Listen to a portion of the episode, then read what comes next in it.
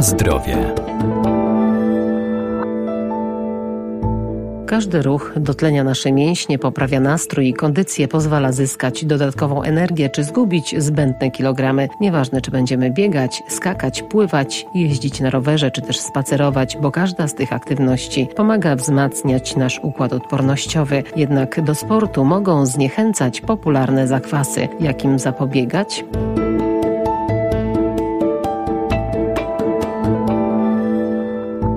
Zdrowy styl życia to nie tylko odpowiednie nawyki żywieniowe, ale także codzienny ruch i aktywność fizyczna. Ale co zrobić, by nie nabawić się kontuzji czy zakwasów? Zakwasy to jest poziom kwasu mlekowego, który się troszeczkę pojawia przy wysiłkach, które mają charakter pracy beztlenowej. Możemy przejść spacerkiem, to jest dla nas praca tlenowa. Dla niewytrenowanego biegacza już podbiegnięcie 100 metrów to już wchodzi w tak zwaną pracę beztlenową. Lekarz sportowy Piotr Gawda. I wtedy pojawia się kwas mlekowy. Pojawiają się tak zwane procesy, które już nie są wystarczające i pojawia się takie, może ja porównam to do tego, jak, skąd pojawia się dym w czasie palenia ogniska.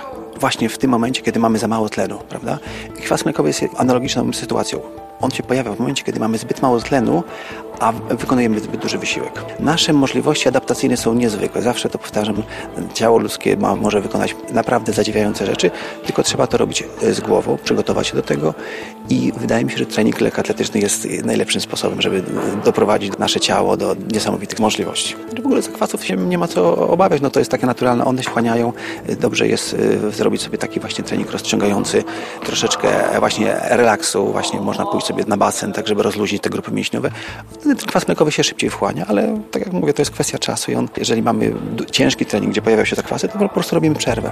Przy następnym treningu już tych zakwasów będzie zdecydowanie mniej. Na zdrowie. Pozytywny wpływ na wzmocnienie serca i układu krążenia ma systematyczne bieganie. To najprostsza forma ruchu. Jak biegać, by było przyjemnością? Jest to rzeczywiście naturalny sposób ruchu. Włączamy oddech, który jest bardzo istotny. I my, będąc w różnych sytuacjach stresowych, w sytuacjach, kiedy długo siedzimy, potrzebujemy pracy właśnie między innymi przepony, żeby oddech był naturalny. To nam daje właśnie bieganie. Mamy możliwość regularnego oddechu, pewnej częstotliwości, także jest taki interwał pracy i to jest, to daje nam lekkoatletyka. Przy dobrze prowadzonym treningu, gdzie mamy różnego rodzaju elementy rozciągania, ściągania, przygotowania, ten trening jest urozmaicony, jest to najbezpieczniejsza forma ruchu, która daje nam bardzo dużo satysfakcji, gdyż wzrasta nasza wydolność i to rzeczywiście widzi się właśnie u biegaczy, że po dwóch tygodniach treningu w miarę dobrze poprowadzonego bardzo znacznie wzrasta wydolność i taki człowiek czuje się bardzo dobrze. Nie jest dla niego problemem podbiec do autobusu, wejść po schodach, to wszystko przychodzi bardzo naturalnie. W pierwszej fazie biegać jak najbardziej miękkiej nawierzchni, czyli biegamy w lesie, biegamy w parku i to jest bardzo istotne dla początkujących, gdy jeszcze nie mamy dobrej koordynacji ruchowej. Później, gdy ta koordynacja się poprawia, możemy przejść na twarde nawierzchnie. To nie jest warunek konieczny, że musimy biegać ciągle na miękkiej nawierzchni, ale początek jest bardzo istotny, żeby, żeby zacząć na miękkim podłożu. Biega całe ciało, to jest bardzo istotna koordynacja ruchu. Właśnie to istotą jest, żeby środek ciężkości przemieszczał się jak najbardziej równo wzdłuż bieżni i do tego nam są potrzebne ręce. Jeżeli lewa noga wychyla się do przodu, to prawa ręka idzie do, do tyłu, tak żeby ten środek ciężkości utrzymywać, żeby on nie oscylował zbyt mocno. Także ręce są bardzo ważne.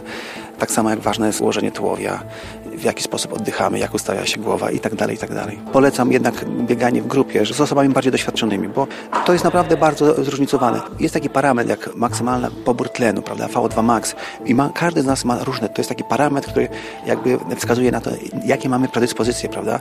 I teraz są osoby, które mają ten parametr bardzo wysoki i one mogą zacząć od tego treningu bardziej intensywnego. No my musimy się adaptować do wysiłku. U niektórych oni są w stanie dojść do bardzo dobrych wyników w ciągu 3-4 miesięcy przy dobrym treningu, a niektórzy potrzebują na to wiele lat, prawda? Także to jest bardzo osobniczo zmienne, ale mówię, ta metodyka treningu jest bardzo ważna i dobór obciążeń, tak żeby nie doszło do przetrenowania. Bardzo dużo mam pacjentów, którzy, którzy rzeczywiście po prostu są przetrenowani. Oni trenują zbyt dużo, nie zwracają uwagi na regenerację. A regeneracja w bieganiu jest najistotniejsza i zawsze to będę powtarzał, że układając plan treningowy musimy zacząć od tego, żebyśmy mieli czas na odpoczynek i dopiero wtedy dołączamy trening. I to jest bardzo ważne bo w momencie, kiedy przychodzi przemęczenie, nie mamy na to ochoty i rzeczywiście są problemy z, z tym, żeby to bieganie sprawiało przyjemność.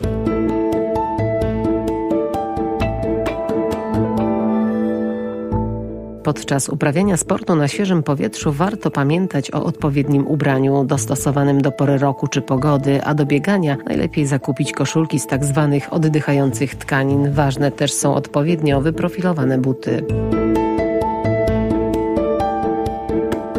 Na zdrowie.